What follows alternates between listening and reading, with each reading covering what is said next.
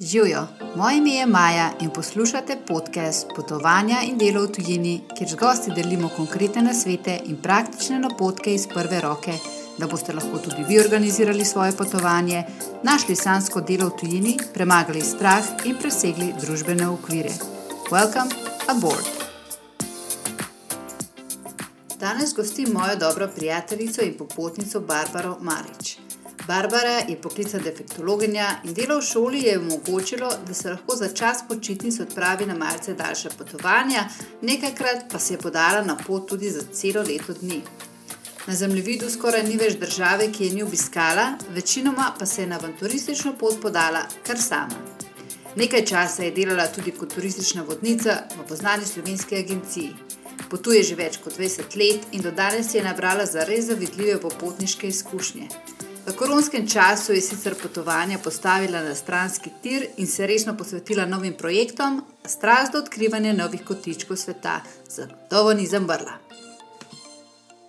En lep pozdrav, Barbara. Jaz sem full vesela, da si moja prva gostja v uh, podkastu Potovanja in delo v tujini.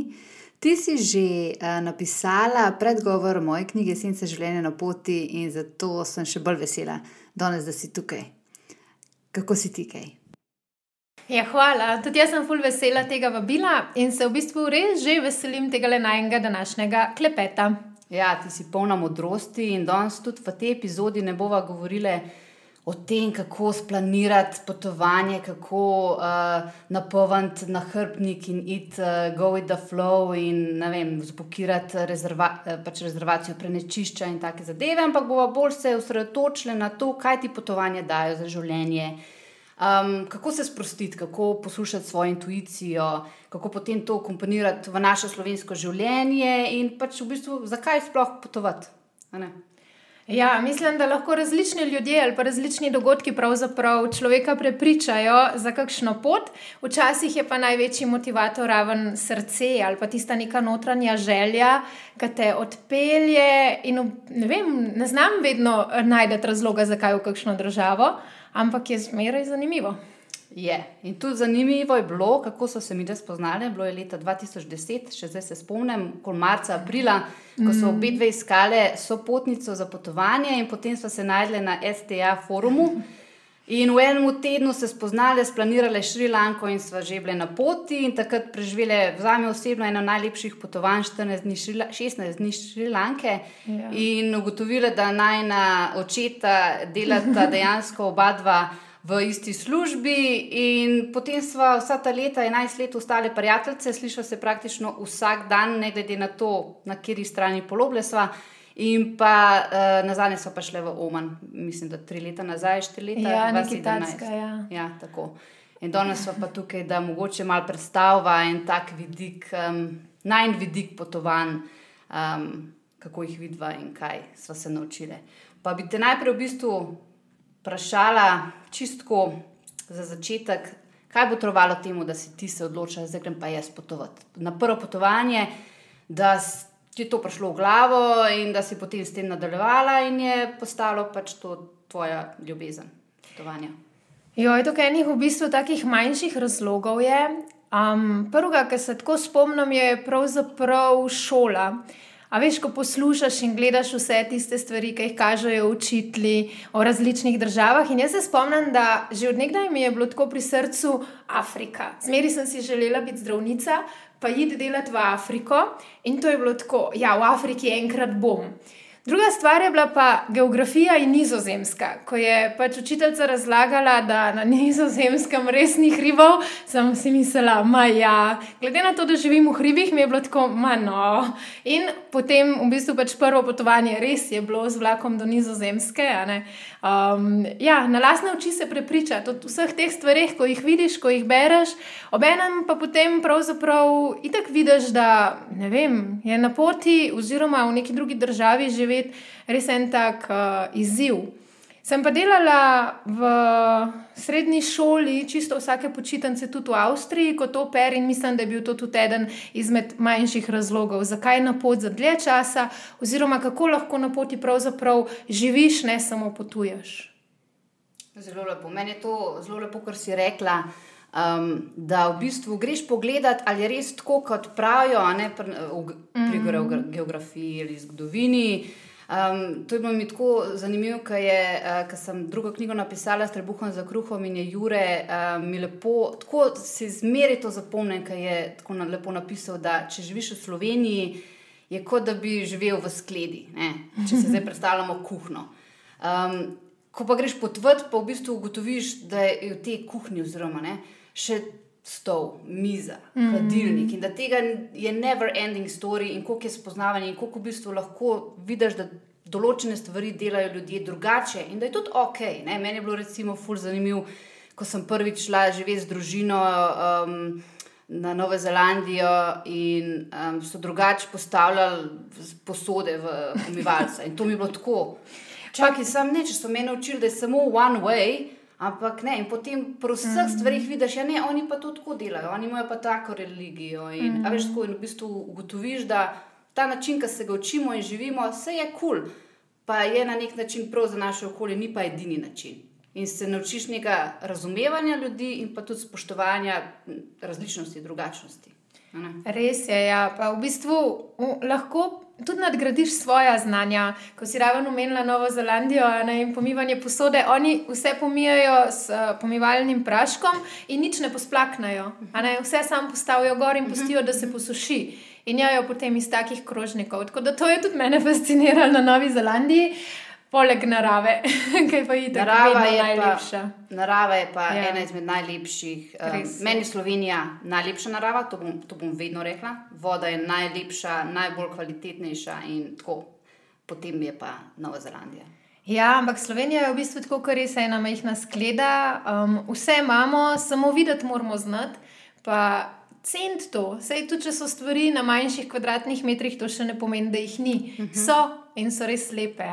Še posebej, ko enkrat res človek pripotuje do enih malih kotičkov uh -huh. po svetu.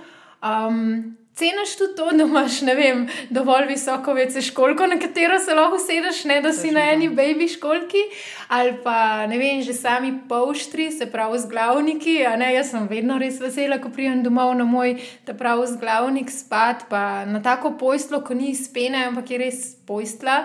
Um, in jogi, vzmetnice primerne. Tukaj je enih takih malih malenkosti ki jih potem mogoče znamo malo bolj ceniti in razvijamo en lep občutek, in to je hvaležnost. To hvaležnost ja. pa res razvijaš do te mere, da si z vsako malenkostjo res tako poistoveten, ali pa da res rečeš v takih malih stvarih, ko bi ljudje mim šli ali pa stopili sam pri sebi tako, pa sej ne da to na glas, ampak velikrat pri sebi rečemo. Ne vem, oh, ful dobro, ali pa res sem hvaležna za tole, to se je pa zdaj dobro mhm. zgodilo. Um, mislim, da te občutki veliko dajo. No? Jaz vsakič, ko prijem nazaj v Slovenijo, je zdaj tega res malo, samo še mesec, par tednov, se veš. Um, sem vedno bolj hvaležna in vedno bolj cenjam, kar imamo v Sloveniji, predvsem pa vedno podaram organsko hrano, to, kar imamo mi, to, kar nam na zemlji mhm. rase. To jaz nisem na svetu videla še. Svet zrak, ta gorski zrak je neverjeten in pa ta izvirska voda. In to so stvari, ki mi to pomenijo, ki mi prej recimo so bile samo umevne, ker sem pač živela v Sloveniji in to valjda nekaj, kar imaš vsak dan na dohvatu roke. V bistvu ne ceniš tako, kot pa potem, ko recimo zdaj, ko sem bila pet mesecev v Italiji, pa so res nimajo odnosa do narave, smeti puše posod, posod so res tako, prav packi. In potem pridemo v Slovenijo in razlagamo vsem, kako imamo mi lepo Slovenijo, kako je vse čisto in ljudje me kar gledajo, pa kaj s tabo. Ampak v bistvu, ker res vidiš stvari s čist drugačnimi očmi. Ali pa recimo, ko sem bila v Katarju živela, ne pa ti zrak puščavski in potem prideš sem in, in zadihaš tisti res gorski zrak. To, je, to so stvari, ki res um, v bistvu potem ceniš, ko so ti oduzete. Ne, da gre za dva tedna na potovanje, ki to še ne občutiš tega primankljaja, ampak ko si pa res nekaj. Dlje časa stran, pa potem um, to čutiš. No, pa da ne bova preveč zdaj, razen če si ti hočeš kaj zadati. Ne, si lepo povedala. da greva mogoče uh, še na to, zdaj naj poslušajo zelo taki mladi, kot so bili mi dve mladi, recimo okoli 19-20 let, ko smo začeli recimo potovati. Um, kaj bi bil tvoj nasvet, um, da more biti nekdo pozoren, pa na kaj mora paziti, ko se prvič odpravlja na potovanje. Na reče, evo, zdaj grem pa na gap year za eno leto, ali pa zdaj pa hočem tle vse pustiti, pa grem. Um, ni vse tako lepo, ne? zdaj pa pet, pa kamor te srce uh, ne vozi in uh, poslušaj svoje srce, ampak moraš tudi pamet in svoj pač, ne, mm. poslušati. Um, kaj bi rekla, nekaj na svetu, pazi na to, prepusti se tam in tako naprej, čisto praktično. Meni se zdi, da je v bistvu um, edina stvar, ki je meni, če se jaz postavim nazaj v srednjo šolo, uh, takrat tako nekako navdušila, je bil odnos ljudi, ko nekam prideš. To najhitreje začutiš in točno veš, nekak, da tudi svojim odnosom to rišeš. Se pravi, če se zdaj nekje znajdeš, lahko na vlaku. In če na vlaku nekdo poleg tebe ali pa nasprot tebe sedi in začne pogovor, če boš neka limona ali pa zaprt, potem bo ta tvoja vožnja tudi takšna bila, bolj osamljena. Če se pa enostavno povežeš, pa mogoče malo komuniciraš, pa razdaš, kakšno skrivnost poveš ali pa mogoče kakšno malenkost o sebi, imaš pa takoj občutek, da si del nečesa. Pa je lahko to samo vlak ali pa ena restauracija, kjer z nekom spiješ čaj ali pa kako kolo ali pač karkoli že. Mislim, da so to te najbolj pomembne malenkosti, ko res nekam greš. Druga stvar je ta, ne poskušajte vsega nesti sabo, ker ne rabite. Um, pa tudi tiste stvari, ki jih imate, jih boste najbrž kar kakšno konkretno zgubili. Um, zgodi se marsikaj, da se zgubi ali pa da ukradajo. Je pa res, da vse se da kupiti. Mislim, če pa ne kupiti, pa po svetu obstajajo izmenjevalnice. To so taki mali prostorčki, uh, včasih so trgovine, kjer enostavno prideš in brezplačno stvari lahko tudi vzameš, lahko kaj svojega pustiš, kar ne rabiš. Ljudje imajo navado to in po Evropi, in po kakšnih drugih celinah. Um, tudi hrana se pušča noter, ne vem, res najdeš tako pet fižolov, več stročjih ali pa pol skodelice sladkorja. Tako da mogoče iti na pot z eno tako lahkoto, pa ne obremenjen, da si kaj pozabil. Um, najbolj pomemben, kar se je pa meni vedno zdelo, so bile pa fotokopije dokumentov.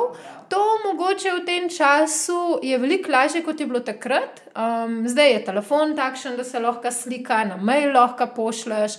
Um, jaz sem si vedno vse popakirala v vse ruzake. Če sem imela dva ruzaka, sem imela v vsakem ruzaku svoj komplet kopij. In pametno je eno stvar pustiti doma, raven tako v kopijah, in pa pooblastilo svojim staršem ali pa pač nekomu, ne vem, prijateljem, bližnjim, da lahko urejajo stvari, če se tebi na poti karkoli zgodi. Jaz mislim, da so to take zadeve, na katere je potrebno pomisliti. Um, ker prenesajo mogoče hitro urejanje, sploh kar se bank tiče, ne vem, izgubo dokumentov, prijavo ali pa kaj takšnega. Tako, no, na hiter najbolj pomislim in najprej na te stvari. Vse ostalo se da pa na poti urediti. Kaj pa zavarovanja? Zavarovanja, glede na to, odvisno, kam greš. Se pravi, če greš na neko splošno zavarovanje, se je dobro pozanimati, za koliko časa. Predvsem, vem, če gre za kratko potovanje, je marsikajšno zavarovanje res čist dovolj dobro, da skleneš tisto osnovno. Um, če greš pa za dlje časa, za več mesecev, pa priporočam res, da se vzame po dnevih, ker tisto zavarovanje za eno leto, po treh mesecih se moraš vrniti nazaj v domovino, prekiniti pot, vsaj za en dan in iti pol spet. Um, jaz mislim, da zavarovanje, tudi kar se tiče hribov, je potrebno res pogledati, da ste previdni, pa potapljanja, ja. um, da res vzamete primerno polico. Nikoli, nikoli nisem šla na pot brez zavarovanja. Mm. In moram reči, da čist nikoli, ampak res nikoli v teh 20 letih potovanj nisem niti enega zavarovanja koristila. Se pravi, pač jaz sem na to vedno gledala, imam in potem se mi ne bo nič zgodilo. Ne? Ja. Uh, nekako to smer. Tukaj bi samo dodala, da bomo imeli o um, varnosti na poti posebno epizodo, ampak sem sam hotla, da v bistvu zdaj ene par napotkov damo, um, ne, hiter, kaj, kaj res paziti. Zdaj tukaj res uh, dobro so umenila. Ne preveč spakirati, jaz sem se ravno um, z potovanjem naučila nekega minimalizma, ker toliko potujem in ne moram vsega imeti s sabo. Ne? In dokler jaz eno stvar ne vržem stran, ni hlač, ne kupam novih, ker mm. drugače ne bom mogla s sabo. Ne? In vzameš s sabo samo tisto, kar lahko nosiš. Ne? Jaz se spomnim, ko sem backpackala, sem imela 8 kg prtlage in. Jaz nisem imela nekih serumov za obraz in uh, niti tega kondicionerja uh, za, za lase, ampak samo šampon in to je to. In v bistvu vidiš, da lahko preživiš s to malo stvari. Mm. Dobro, zdaj se je situacija spremenila, tudi pač delam, oziroma sem delala na jahtah in pač moraš malo za sebe skrbeti, valjda, in se staraš. Ne? Um, moraš še en serumček in te zadeve, ampak na začetku pa pač dejansko um, je point, da greš videti svet, da greš izkušati življenje, da um, vidiš nekaj v drugačni luči, si pač. Eh, ne, uh... Pa se tudi, če maja pogrešaš vse te, to so nekakšne, s tem rečem, udobnosti, mm -hmm. sploh mogoče za kakšno žensko res pomembne, um, vsi ti mali paketki. Velikrat ljudje pozabimo na testerje. In vse trgovine po svetu imajo testerje. In mm. greš in lepo prosiš, če se malo z mm. nasmehom pogovoriš s prodajalko in rečeš, da si na potovanju in da ne nosiš velikih embalaž s sabo, ti bo res veseljem tam unih 50 mm. testerjev dala. In pač narediš še en tretma, ko prideš iz gor nazaj, ali pa ne vem, ko se stalno potapljaš in res čutiš, da rabi koža biti nahranjena. Vse se da, sam pač res moraš tako z odprtim umom potvati pa po eni strani ne biti obremenjen s to mislijo, da vse to urabiš, se pravi, ker ti itek občasno, a ne.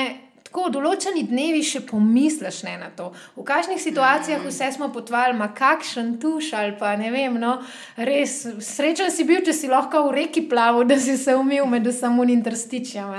Če jaz pomislim na vsa moja potovanja po Afriki, kjer je tuš bil dejansko res ne vem, luksus, um, pa ne samo tuš voda. Um, ja, smo bili srečni tudi, če je deževalo, pa smo potem z dežjem prakticirali, pa kandice podstavljali. Vse, vse, vse stvari se človek v bistvu privadi. Nekako odmisliš to življenje, ki ga imaš doma, in se prilagodiš okolju, kjer si. Um, in tudi ne moreš preveč izstopati, da bi jaz zdaj vsa našminkana, um, dišeča, hodila mm -hmm. po neki afriški ulici. Mm -hmm. Ja, garantirano sem vaba za nekoga, mm -hmm. ki bo mislil, da imam že tako mislijo, da imamo mi ogromno, mm -hmm. mislim, ja, za njihove razmere več denarja. Ampak z vsem tem, potem to, ki stopaš, da privlačeš nekako na ta način. Neko množico pogledov, ki si jih sicer niti ne rabiš, nekako s tem obremenjevati. Lažje je, če se na, na, na tak bolj enostaven, subtilen način noter v kulturo upelješ. Pa res narediš mogoče en tak lahek preskok. Ja, to je mogoče zdaj malo težko, zato ker danes je bolj popularno. Mi smo potovali v času, ko še ni bilo Instagrama. Ne? Danes je ful popularen biti uh, z lepimi fotkami na Instagramu, drugače nisi pač. Um, tvoj Instagram profil ni uh, vabljiv, ko gledamo. In pač to je malo drugače zdaj, ampak so tudi različne tehnike, ko se lahko ne, uh, malo olepšaš. Drugače pa uh, lepo si to povedala. Jaz sicer tako avanturistično nisem nikoli potovala, da bi zdaj bila brez tuša. Najhujka je bilo, recimo, ko ni bilo tople vode ne, in se potem moraš z mrzlim tušem umiti. To je meni bilo dosta uh, avanturistično. Ampak um, to je zdaj tako ful popularno, ne? te uh, uh, Wim Hof uh, metode, ko greš zjutraj za pol ure, eno minuto pod mrzlo tuš in tako da praktično zdaj to ni problem. Um, Drugač pa ful dobro se tudi izpostavlja to, da um, moraš paziti, da nisi preveč. Um, opazen, sploh če potuješ sam, mi dve so obe dve potovali veliko same. Mm -hmm. In sama ženska na poti je lahek plen in moraš imeti kar ene par svojih trikov, um, kako ne izstopati. In tudi, če se ti približa, recimo, kakšna grupa ali karkoli, da imaš vedno odgovor, da ne, da ne hodiš po noči, da, da ne piješ dejansko. Ampak, kot sem rekel, to bomo v posebni epizodi. Da gremo mi da raj naprej, ker me v bistvu drugat, dru, druge stvari še zanimajo. Recimo, um, Kako, je, kako si ti uh, balansirala med tem, da si del poti, recimo, organiziraš, um, del poti greš pa go with the flow?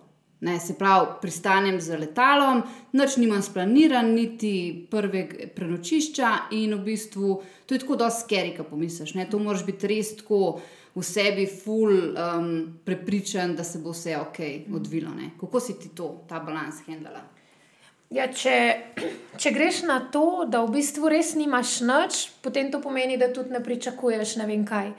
Um, meni so se bolj kot ne vse te začetne zgodbe, prvih parih deset let potovanj, um, odvijale čist drugače kot potem kasneje, ko se je vse skupaj začelo bukirati. Se pravi, jaz sem pač res šla tako, da nisem imela ničesar, niti nisem vedela, mislim, kdo me bo na letališču pobral, kje spim. In potem so te mali, um, kako bi človek temu rekel, neka mala znanja, ko veš, da imaš nek določen, uh, neko določeno kvoto denarja in si rečeš, tistih 10 evrov, ki imam, bom dala zdaj za taksi. In temu gospodu naročim, jaz imam pač 10 evrov, to je plačilo za te in za to trenutno nočitev. Najdi mi nekaj, kar bo se upadalo s tem. Se pravi, vsaj toliko vem, koliko neka nočitev v um, neki državi za prvo noč stane, da si lahko rečem, ne vem, dobro, bom zdaj dala tukaj 20 evrov temu taksistu, ne, da ne, ne narediš neke škode. To se je še včasih dal na tak način. Zdaj, glede na to, da ljudje pridajo, da vsak vsak ga zunaj čaka z nekim napisom, jaz mislim, da, da je čist drugače poskrbljeno, kot je bilo včasih, ker je bil res en tak Robinson Crusoe style potovan. Um, se je pa dal, no? res sem si na tak način našla tudi prebivališča. Jaz sem nekoga spoznala na letališču, sem malo zaklepetala, ponovadi ljudje vprašajo, jo, ja, pa imaš kje, ki boš pa spala, pa vedno rečem, ja, ne vem. Ali pa na avtobusu je bilo isto, iz mesta v mesto sem se vozila, pa nisem vedela, kje bom spala. In uh, ja, pač ponovadi je res ena taka dobra dušica vedno prišla nasprotke in rekla, jo, jaz imam pa frajeno sobo, ali pa moj bratranc, ali pa sestrična. Šla sem pogledat, um, vedno sem zaupala, nikoli nisem potovala s to mislijo, da se mi lahko kaj strašnega zgodi. Um, na začetku mogoče niti ni bilo te sigurnosti, te varnosti, ker niti interneta ni bilo. To so bili cyberkafeji, internet v Afriki, ki so bila moja prva leta, prvih osem potovanj, večinoma Afrika, ima kakšna elektrika. Tako da v bistvu res se zaneseš na sebe, na svoje čute in tudi ne moreš planirati. Ti v nekih državah, kjer imajo svoj ritem. Tako kot če spet izpostavim Afriko, ki rečeš, gremo danes, in je odgovor, ja, gremo sedaj, to pomeni enkrat danes. Če ti pa rečejo, jaz vi go now, now, ne, sedaj, sedaj, to pa mogoče greš v roku ene ure.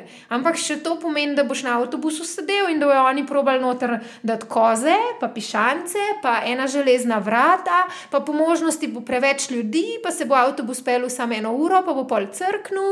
Tako, no, nikamor se ne premakneš, če imaš v glavi veš čas neko misel, da moraš do določene ure nekje biti. Mm. Lažje je, če v bistvu sprejmeš pot in v bistvu ta pot postane neka zabava, to potovanje in te izkušnje. In bolj, če si dosti odprt, pa komunikativen, kar pač meni ni problem, spoznaš še ljudi in se nasmejiš, povejo ti, kamor še ti jaz, pokažejo ti domačo lokalno hrano, način, kako oni skozi odprta okna v avtobusu to kupujajo, denar vrže skozi okno dol, in ti vrže palačinke gor in je. Pač stvar rešena, ne rabiš niti iz busa dol, ne? to vse med vožnjo, avtobusari samo počasnijo. Se pravi, pač z nekim opozovanjem.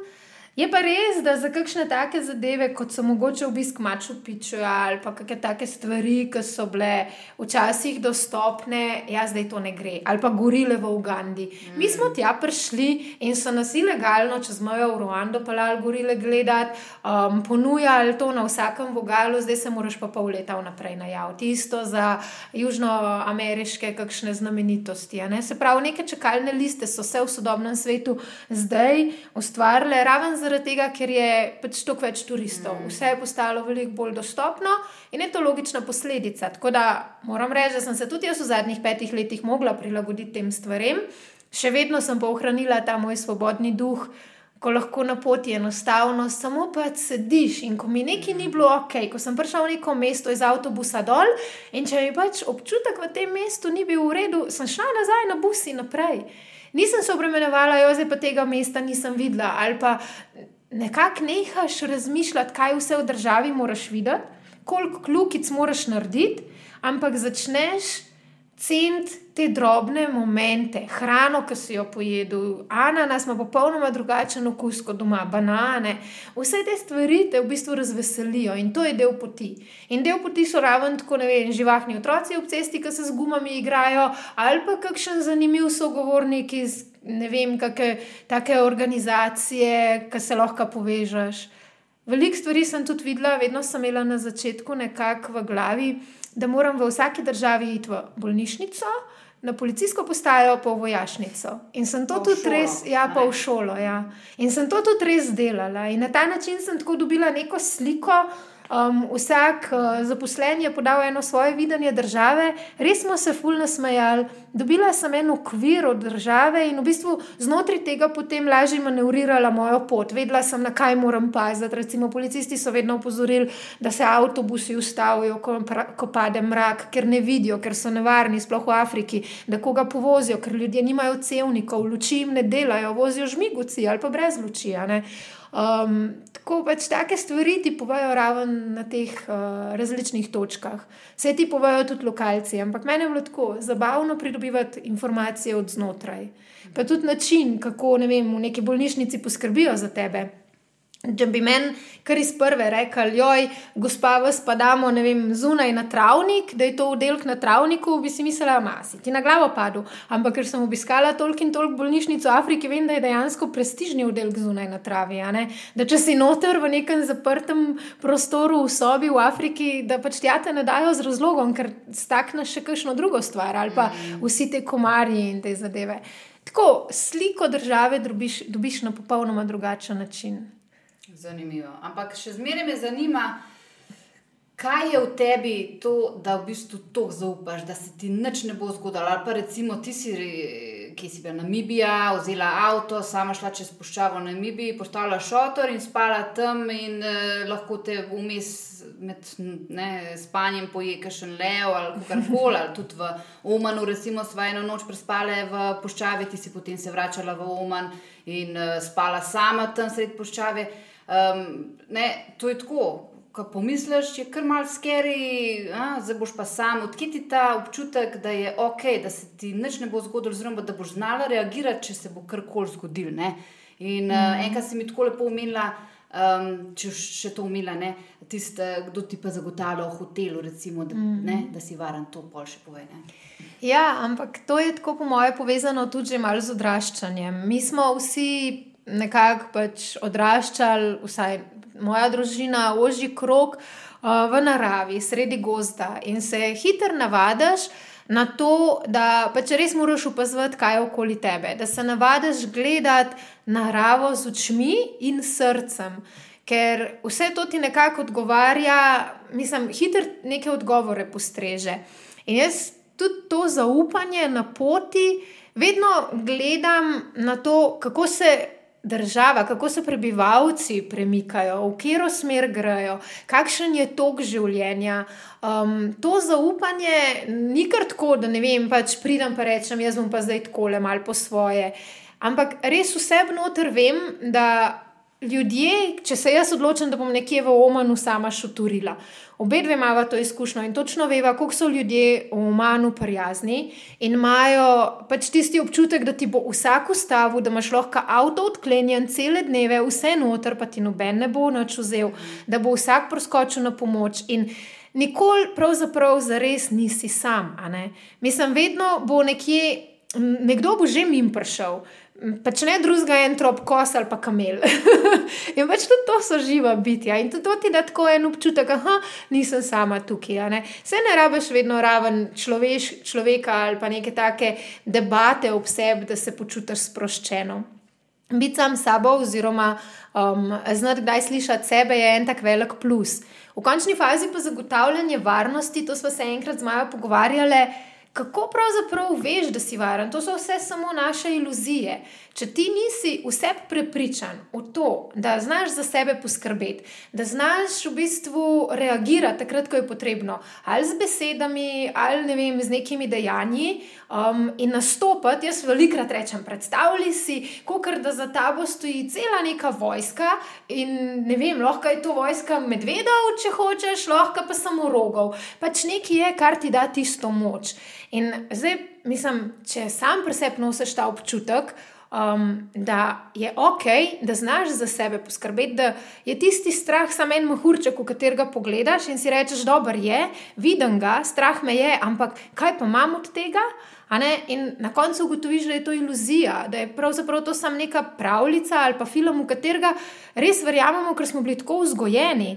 Mene pa doma so nekako vedno pripravljali na to, da če so nas same pustili, naša hiša je totalno sredi gozda, res smo tako na samem. In če smo sami ustali, je bilo vedno le za krič, pljuča imaš, če si nekoga samo v gozdu srečal, so rekli, reč, da za tabo hoče, ne vem, trije prijatelji, pa da mami te tam čaka ali pa brata.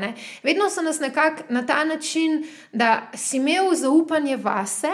Um, in isto je, ne vem, ena taka, kot so se mi dve že menile, dogodivščina ali pa prigoda. Zakaj imamo občutek, da smo varni, če smo v hotelu, ne vem, v sobi, v istem nadstropju, še s štirimi drugimi prostori. In v tistih prostorih so ravno tako ljudje. A če se ti bo nekaj zgodil, pa ti nekdo ob dveh zjutraj potrka na vrata. A si res pripravljen ti temu človeku vrata odpreti? Ali imaš v sebi zgodbo, kaj pa če ima nož, kaj pa če mi bo nekaj naredil? A je res tisti, za katerega se izdaja? Se pravi, kako boš reagiral? A se res lahko počutiš v hotelu varnega? Ali je to samo tvoja iluzija v glavi, da zato, ker si v hotelu med ljudmi, si pa varen? Ali je tudi takrat na tebi, da moraš pravzaprav verjeti in zaupati sam sebi? Sebi moraš zaupati, da lahko odpreš vrata, da lahko ne vem, greš po stopnicah dol, če je potrebno. Se pravi, in enako, kot ti verjameš, da si v eni sobi varen, jaz verjamem, da sem varna v šotoru sredi puščave, verjamem, da sem varna pri popolnemu neznancu v domu, zaradi tega, ker sebi zaupam, ker pač imam ta občutek in vsaka pot.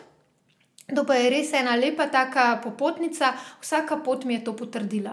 Meni se v vseh teh 20 letih potovanja ni zgodila ena slaba stvar, da bi lahko rekla, da mi je bilo kdaj streženo po življenju, ali pa da, sem, vem, da me je kdorkoli kaj napadel, kaj slabega hotel. Nikoli, res nikoli. Mogoče je to zaradi tega, ker živim s temi očmi, jaz se velikrat mm. pohecam, imam pa pač ta očala na sebe, da tega ne vidim. Ampak ja, če ne vidim, me ne moti. Ampak ti si tudi, eh, ki te poznam že toliko časa in res poznam marsikatero tvoje izkušnjo, si tudi nek večni optimist in tudi tebi, ki se zgodi kakšna slaba stvar, eh, ali osebno v življenju, ali na potovanju, ti to predrugačiš in se z tega nekaj naučiš, ne? ker v bistvu. Vsakič, ko padeš ali pa kaj narobe narediš, ali se ti kaj hudega zgodi, se to so tudi bile določene hude stvari, ki so se vsem nam, kdaj pa kdaj v življenju zgodile. Um, greš čez to, ne, ne ostaneš v tem noter, pa v bistvu. Ne, ne vzameš nekaj žrtev, ampak greš naprej in rečeš, ok, to je življenje, le zgodil se je, fulje hudo, fulje bed. Um, um, ampak greš naprej. Mm -hmm. In to je po moje nekaj, kar dela tebe malo drugačno od drugih, ko res si ta večni optimist, da gradiš ne, sebe na teh žalostnih izkušnjah, dobrih izkušnjah, napakah in vse to. In to ja, vse osebni dogodki so lahko tudi doma. Meni se več takih pripetljajev, v katere se zaciklam ali pa me ne vem, naredijo žalostno, um, jezno, karkoli. Se pravi, tega se mi mogoče tako v domačem okolju, tu v Sloveniji, večkrat zgodi, da se soočam s temi občutki, kot na neki poti. Se tudi na poti si lahko žalosten ali pa pogrešaš uh, bližino, pogrešaš prijatelje, vse mm. to. Samo na koncu dneva si vedno ti tisti, ali pa jaz si vedno sama rečem, pa sej zakaj bi se pa otepala tega, če si dam sama sebi dovoljenje, da sem zdaj ta dan žalostna ali pa tečna, ali pa da hočem pa cel dan preležati v pojstli, pa bom. Mislim, vse sem ja, jaz tista, ki živim v tem telesu in zakaj se ne bi poslušala. Ne vidim razloga, jaz, kader imam kakšen tak dan, da bi samo, ne vem, zunije mrzel, recimo v Zemlji v Bolivijo, naprimer, ko je bilo stalno res fulmrzlo, tam okrog minus 17 stopinj, zakaj bi vsak dan šla ven? Če mi je pa pasal kakšen dan do 11, bi to sobi, pa se z unim termoforjem tam gre. Pač, ja, to je tudi ena izmed takih stvari. Dajte si dovoljenje za vsa ta čustva, za vso to paleto stvari. In po eni strani se poli tudi lažje sam s sabo soočaš in rasteš. Tukaj bi predvsem dodala, da ja, sem se tudi Ne, vsak misel pač, ja, ne, doskrat sem jaz dobila, pa tudi verjetno ti, ja, potuješ, kot je fajn, ti si v bistvu cel life, ti so ti počitnice. Ampak um, na nek način, ja, se je lepo, uh, full vidiš, ampak meni nikoli niso le potovane počitnice. Meni so počitnice, ko pridem uh, domov. In um, imam tukaj v mhm. bistvu vse, praktično. Ne. Tukaj sem na počitnicah, ko potujem, je pa tukaj nek disbalans in vse to, in tudi ko si sam na poti, s kolikimi stvarmi se ti soočaš in si sam in te je strah. In si rečeš, pa kaj meni tega treba, zakaj sem jaz sploh šla potovati, kaj je to fora. Ne. Ampak, uh, in se rečem, lahko bi bilo doma, varen dom, varna služba, vse kul cool. in razumem, da nekateri ljudje se za to odločijo. Ampak po drugi strani pa, a ni življenje ravno to, da se ti do, ne, določenih čustev učiš premagovati, mm. ta strah, da si dovoliš, da te je strah in se sprašuješ, zakaj je ta strah v meni in ga nekako potem prezrcaraš v svoje pravo življenje, v biznis, v prijateljstvo, v odnose. In, in meni so bile potovanja zmeraj neko delo na sebi, oziroma tudi spoznavanje sebe in da sem s tem rasla. Um, in meni je dosti pol folk rekel, zakaj pa potuješ, če ti je ful strah na avione. Ne? Meni je še zdaj po 15 letih potovanj, meni je strah iti na avion, ker ne vem, odkje ima ta strah, klaustrofobije, da bom padla dol in ne vem kaj vse, oziroma klaustrofobije, da ne morem v, na nič vplivati. Mm -hmm. In pa recimo, ko sem ne, devet let delala v jahting uh, industriji, recimo, sem še po devetih letih imela morsko bolezen in mi folk rekel, ja, zakaj pa pač pol tam delati, če ti je non-stop slabo, pa vem, na vsake tok cajt bruhaš, če je pač uh, nestabilno vreme. In sem rekel, ja, pa sej ni fora življenja, da te je non-stop lagodno. Ne? Včasih moraš iti v nelagodne situacije, da se zbildaš, da, da postaneš močnejši in da lahko shendlaš tudi pol preostalih zadevah v življenju. -hmm. Da nisi neki, da klonaš pri vsako stvar, ki ti ne gre, ali pa uh, klonaš pri vsakem strahu, ampak da res se zbudiš, pa lej, gremo v akcijo. Um, a ja, se zanj mi je bilo tudi strah, ampak to sem že doživela ta strah, a ga res rabim zdaj spet doživeti. A veš, ali pa ne vem. Kjerkoli čustvo, zdaj smo malo zabluzili, ampak sem pač rekel, da je res to, to. to dodati. Ja, res je to. V bistvu vsako čustvo, k, mislim, ali pa situacije. Jaz si velikrat rečem, ko se na poti kakšna stvar zgodi, um, taka, ne vem, kot izziv, recimo, začne avto goreti, avtobus nam je v Pakistanu zagoril, recimo mm. med vožnjo, pa lahko komod bi ne vem, kakšno paniko zganjali. Voznik je spal v Indiji, celo pot v busu in smo se vozili tako, da smo se izmenično še z enim potnikom menjavali v tistih 24 urah vožnje, da smo voznika tam špikala, da smo malo volan držala, pustila 10 minut, da je zadremal, pa smo se malo menjavali. Ampak ja, vse te izkušnje si lahko rečeš, jo joj, ne, nikoli več ne grem na noben avtobus. Ampak ne moreš eno slabo izkušnjo, recimo, če tebi to predstavlja nekaj slabega, ne moreš to prenesti na vse. Potem se lahko sam še zakleneš nekam. Ne? Um, in nikamor več ne stopiš. Iz vsake slabe res je lepo potegniti nekaj dobrega, predvsem pa način, kako si to rešil, ali pa pot, po kateri si do rešitve prišel, ali pa vsaj do neke omilitve problema. Ni nujno, da vedno vsak problem rešiš. Včasih je pa najbolj pustiti, kadar pride do problemov, če že o tem govoriva, ljudem, domačinom, da zadevo rešijo. Vedno smo ljudje tisti, ki hočemo po svoje, tako kot smo bili naučeni. Pozabljamo pa, da v vseh teh državah imajo ravno tako ljudje znanja in so bili ravno tako naučeni, kako v njihovem prostoru in času neko stvar rešiti. In zdaj, če pač oni to delajo počasneje, kot bi mi, spoštujte to. Ne rabite zdaj tukaj zraven hiteti, pa preganjati, zato ker se bo ti človek v tem procesu zmotil. In to je za vas pol slabo, um, ker neka naprava ne oddelala tako, kot je treba. Po drugi strani pa toliko zaupati in jim obenem dati to spoštovanje, da so delo dobro upravili, um, da si jim toliko zaupal tudi sebe, se pravi, ko nekje si dejansko se razgalaš. Ker ne pomeni, da se tam vem, slečeš in hodiš gov na okolje, ampak dobesedno je tako s čustvi. In razgaljeni hodimo in moramo prepustiti včasih, um, da ljudje rešijo po svoje zadeve. Meni osebno je najlepše gledati te stvari in se na ta način tudi ogromno naučim. Zato sem se naučila, ne vem, kje pa se lahko jaz naučim voziti v poščavi, um, pa manevrirati z GP po pesku, druge kot v Romanu. Valjda ne bom jaz gospodu tam pametvala, ker celo življenje to počne, kako se dela, ampak se bom od njega učila. Parkrat se bom z veseljem zakopala, zato da se mu bo smejal, kdaj bom to naredila še namenoma, zato da bom imel občutek, da mi pomaga. Ja, pač vse te male manevre res naredim. Ampak na ta način se tudi naučim. Tako kot bi jaz nekoga tukaj učila po snegu voziti, ker je za mene to nekaj najbolj običajnega, ker živimo tako visoko, da je sneg bil stalnica celo življenje, vsako zimo. Um, in vse te zadeve ljudje v svoji domovini znajo rešiti. Če pa smo mi tako odprti, da se prepustimo, pa ogromno znanj domov prenesemo in vsa ta znanja lahko ukomponiramo v neke svoje ne vem, poklice. Jaz sem ogromno zaradi tega, lahko tudi učencem v šoli dala.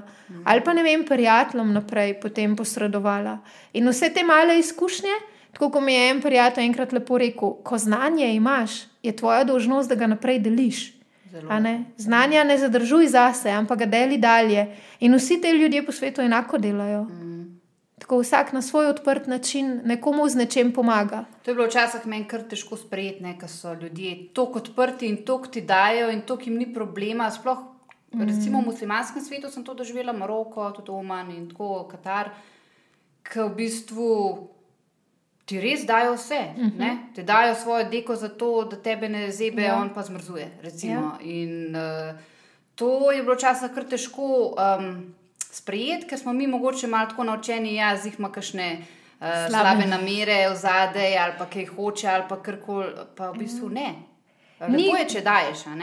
To je tudi njihova zgodba. Ne? Oni v bistvu s tem To je tako, velikrat poli dobim nazaj odgovore ali pa pisma, ne vem, uh, na dolgo in široko napisane maile, uh, kratke, zdaj v teh vseh aplikacijah klepetov, zahvale. Oni, mislim, meni je najbolj smešno, kako to dalje delijo, koliko je njim ta sama gesta, da so tebi posodili deko veliko pomenila. Mm. A veš, moja slika, recimo, mene je najbolj šokirala v Omanu, ko sem nekam prišla in mi je popolnoma neznanc rekel: Hello, barbar, a ne mene dol kličejo barbar. In jaz sem ga tako gledala, odkje ti poznaš moje ime. In pol je šel ti brskati po slikah svojega telefona in rekel: It's you, ah, barbar. In sem bila jaz slikana še z enim drugim lokalcem, ker sem pač v bistvu tam v Vadi TV-ju eno družino spoznala in pri njih bivala. In pravzaprav un lokalc je svojemu sodelavcu poslal to sliko, kao, tako kot jo mi pošljemo, a ne, joj, poglej, kje sem. In je un iz čist drugega konca omana rekel: O, barbar, hello. A ne, se pravi, koliko to njim pomeni koliko daleč gre ena tako mala gesta. In pravzaprav to ni nič slabega. Ne? Mi imamo mogoče res ta občutek, da smo jim nekaj oduzeli, ampak oni so pa hvaležni, da so se lahko pomagali. Če pomisliš, se tudi mi, ne? nekaj, kar narediš, ja. ti je najlepše, ko dobiš nekaj nazaj. Oziroma, recimo tudi. Pr Eh, poklicu, oziroma pri službi, poslu, kako koli. Meni je najlepše, ko, ko napišem nekomu že napis in mi on napiše, ja, veš, da sem dobil službo. Ja, to je nekaj mhm. najboljšega, kot pa nekdo, ki mi ne napiše, pa ni nič s tem naredil. Ne? Ali pa. Ne vem, zdaj, ki delim pač informacije prek podcastov in to, in potem dobiš nazaj, ja, je ful dobr, ful sem drugače začel razmišljati, ali pa res sem se odpravil tja. Pa. To je to, ne, z svojimi, da to, kar daješ, ti je potem neko darilo nazaj, ki ga dobiš. To to, Samo odpiraš na ta mm. način, odpiraš pravzaprav sebe, svoje srce. In ko imaš enkrat to tako odprto, pa si tako navaden deliti, stvari tudi same pridajo v življenje. Pa ni tako, da bi pogrešal, navaden si tudi zgubiti stvari. Jaz se, jaz se prav spomnim momenta, ko sem zgubila pa banalna stvar, moj najljubši šal za napotane. Mm. En tak zelo zanimiv šal, ki me je vedno varoval, ki je bil lahko tudi spalna vreča, res je bil ogromen. In pač, ja, ko, se, ko prideš tako daleč, ko zavestiš te stvari, da ob taki izgubi, ki si bil navaden neko stvar sabo nositi na vseh poteh, rečeš, pa dobro je, meni je odslužil, zdaj bo pa nekomu drugmu služil. Da znaš tako v mislih spustiti, da nisi navezan. Ljudje preveč lastnin imamo vse skupaj. Navezani smo na čist vse možno, na dobro kavo, ja. na eno kapo, ki jo nosimo na vseh potovanjih, na eno majico. Ne znamo pa v bistvu tega sprejeti, da stvar živi nekaj časa in da potem odsluži. In v bistvu s tem si narediš pravzaprav prostor za nekaj novega. Mm. In če zdaj to iz materialnega sveta prenesemo na pač ta miselni, duhovni svet, je enako z vzorci, enako je s to radostjo, s tem veseljem, z nekim čustvom. Ko nekaj sprostiš, pač narediš pot oziroma prostor nečemu drugemu. In ravno to drugo ti ljudje na poti najbolj odpirajo in najbolj dajo. Mislim, enako tudi doma, da ne upomote. Meni je enako lepo biti tudi doma, pa iti na sprehod ali pa v hribe z neko skupino, ker tam dobim iste stvari ali pa na klepetu s prijatelji, kot jih dobim v tujini. Ampak fora je v tem, da pač z odprtim srcem grem tja. Mm sicer ja, z nekim, z nekim notranjim zadovoljstvom, pa vem, da sem takrat tudi iskrena, imam lahko slab dan, pa povem, da danes bom bolj tih, kar sicer redko kdaj kdo verjame. Ampak ja, so določene stvari, ki samo moraš biti iskren. No? Iskren do sebe in obenem, ki si do sebe, si še do drugih. Ja, to je na potovanjih, kar pomeni, da se naučiš tega, da se ja. ne navežeš na stvari. Jaz sem s tem imela zelo veliko problemov na začetku, ker A veš, tako, ko postam potuješ in spoznaš ljudi in se valjda navežeš na njih, mm -hmm. imaš podobne zgodbe, deliš uh, svoje čustva in vse to, in kar naenkrat potem greš vsak svojo pot. No, in um, ti to, ti to sa, sabo vlečeš, in potem v vsakem kraju nekoga drugega spoznaš spet, ne?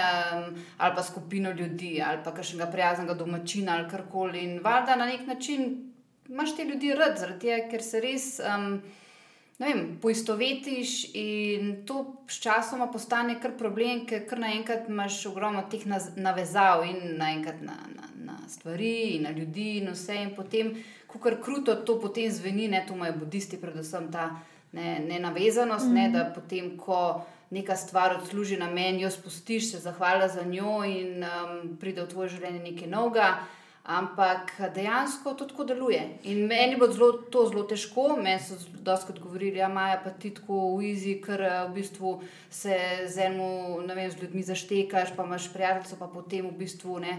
Um, če se ne slišiš več. Se ja. ne slišiš več, ampak ne, to je bila vaja, to je bilo zelo dolgo da sem bila jaz navezana. In, Meni vsak človek, ki ga spozna, mi nekaj pomeni, mi ni težko, zdaj pa, ja, evo, zdaj pa smo se videli, zdaj pa je to, to mm. ne, gremo vsak svojo pot. Mi je bilo težko, ampak ne, polka sem že šla malo bolj te budistične zadeve študirati in mi je zelo privlačilo to. Sem pa videla, da v bistvu um, je prav tako, kaj je. Ne? Vsak človek mm. pride z nekim namenom v tvoje življenje, ampak vidiš, naj v 11 let smo pa v bistvu. Um, se ne vidiva tudi po eno leto, ampak vidiva pa čisto vse, kar smo na WhatsAppu, mm. recimo tudi po dve ure na dan. Uh, uh, določeni ljudje pa ostanejo in je prav tako, določeni ljudje pa pridejo res um, za tistih pet minut, pet mesecev, kar koli in ti dajo nekaj, te naučijo tudi grdih stvari, tudi uh, pač bolečine ali kar koli. Ampak. Hvala Bogu. Težko se je včasih posloviti. Jaz vedno rečem, da vsako slovo je pravzaprav podobno tako, kot da bi ti na novo srce zraslo. Sploh to, kar si govorila, kako se res na ljudi navežemo, ali pa kako se imamo lepo z nekom, se nam usede v srce. Predstavljajte si, koliko ljudi na poti v enem letu potovanja, ali pa v štirih tednih, ali pa v enem mesecu, ne vem, tam nekje spoznaš. In to moraš reči, adijo. Mm. Kolikrat na poti pravzaprav se poslovimo. In to je neke vrste, ja, ena vaja, samo je pomemben čas, ki ga z nekom preživiš, pomembna je tvoja energija, kaj ti takrat daš, kaj ti nosiš. Ali boš ti vse nosil tisto frustracijo, ker ti je prej guma prav tu počla, pa boš spregledal človeka, ki je ob tebi, um, pa se pohecal ti se odločaš, kaj boš nosil. A boš nosil frustracijo še naprej, ali boš ti z dogodek pustil tam, kjer se je zgodil in se odprl novim ljudem, ki pridajo. Tako da reči, da dio je za mene še don, danes ena izmed težjih stvari na poti. Sej rečeš na tak način, na lep, vse se lepo posloviš, ampak je težko, res je težko. Ni, niso ljudje, um, lahko nekoga sreča samo za 15 minut, pa ti da več kot nekdo, ki je ob tebi 15 let. Ja. Res, en stavek reče ali pa neko besedo v pravem momentu, ki te tako postavi na tista realna tla, v tistem momentu življenja, ki ti to potrebuješ. In taka oseba ostane tako v mislih, v srcu, v duši, zapisana res čist drugačne. No, zdaj pa še zadnje vprašanje, ki ga bom zastavila vsakmu mojemu gostu kaj je tista ena stvar, najpomembnejša, ki so to potovanje naučila, in pa ena svet, ki ga zdaj daš vsem, ki naj jo poslušajo. To so tiste stvari, ki jaz večkrat rečem in sicer um, opazovanje. Predvsem pa jaz bi predala naprej, bodite pozorni na intonacijo glasu. To je pač ena zadeva, ki je meni res na mnogih, mnogih situacijah ali pa v državah tako prav prišla, da si prepričan, da enkrat, ko spoznaš samo intonacijo, zvok, ritem govora, da točno veš, Um, kdaj se ljudje jezijo, kdaj ljudje vem, so srečni, kdaj delajo uh, hitre premike. In vse to ti pove ta barva glasu. In če se naučite spoznavati državo tudi prek tega, ne samo prek vonja, vida in vse to, ampak to je tudi, ok, vse je sluh, ampak to je neka una notranjost, to je tisto, kar je ena tvoja lastna intuicija, ki jo razvijaš in na ta način jo najlažje. Se pravi, vsaj jaz sem jo tako najlažje, meni se zdi, da so mi te, pa tudi če nisem jezika razumela, rečemo svahilija, prav noč na začetku, ko sem prišla. Ampak nekako iz tega, kar ljudje povajo, kako pogovor laufa med njimi, lahko razbereš, ali je čas za umik, ali je čas, da greš z njimi, ali je enostavno nekaj zabavnega. Ne? Se pravi. Pa če res imejte v mislih to, da potovanja niso samo um, tisto, kar lahko vidiš in kljubce delaš, slapovi, puščava, crkve in tako naprej, ampak da so potovanja dejansko ta senzibilnost, tvoja notranja senzibilnost, ki jo pa razvijaš s takimi zadevami. No, super. Um, zelo zanimivo, da si to omenila, ker. Jaz bi čisto omenila neko drugo stvar, zelo, zelo um, zanimiva zadeva.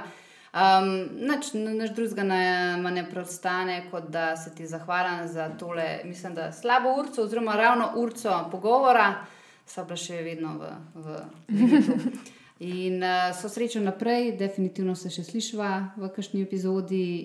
Pa, um, ja, hvala, da si vse to delila z nami. Ja, hvala vam, upam, da so vam informacije prav prišle. Pa srečno na poti, in pogumno. Res pejte in slete svojim notranjim nekakšnim namenom, željam, kako koli kdo to poimenuje, tja, kamor vas srce zapelje in uživajte v teh malih momentih. Polih pa lepo, srečno in varno domov pripeljte, pa jih še tukaj noter v to življenje ukomponirite. Vse lepo vsem, uživajte. Hvala za poslušanje današnje epizode. Vkolikor vam je bila epizoda všeč, prosim, delite screenshot na storijih ali preko posta na družbenih omrežjih, da za epizodo izvedo tudi drugi, ki jih ta tematika zanima. Če vam je podcast potovanja in delo v tujini všeč, pa prosim podcast ocenite s petimi zvezdicami in napišite spodbuden komentar, da lahko rangira više na lestvici podcastov. Se slišimo drug teden in ne pozabite, da je mogoče veliko več, kar trenutno verjamete, potrebujete le prava orodja in malce poguma, da svoje sanje obudite v realnost.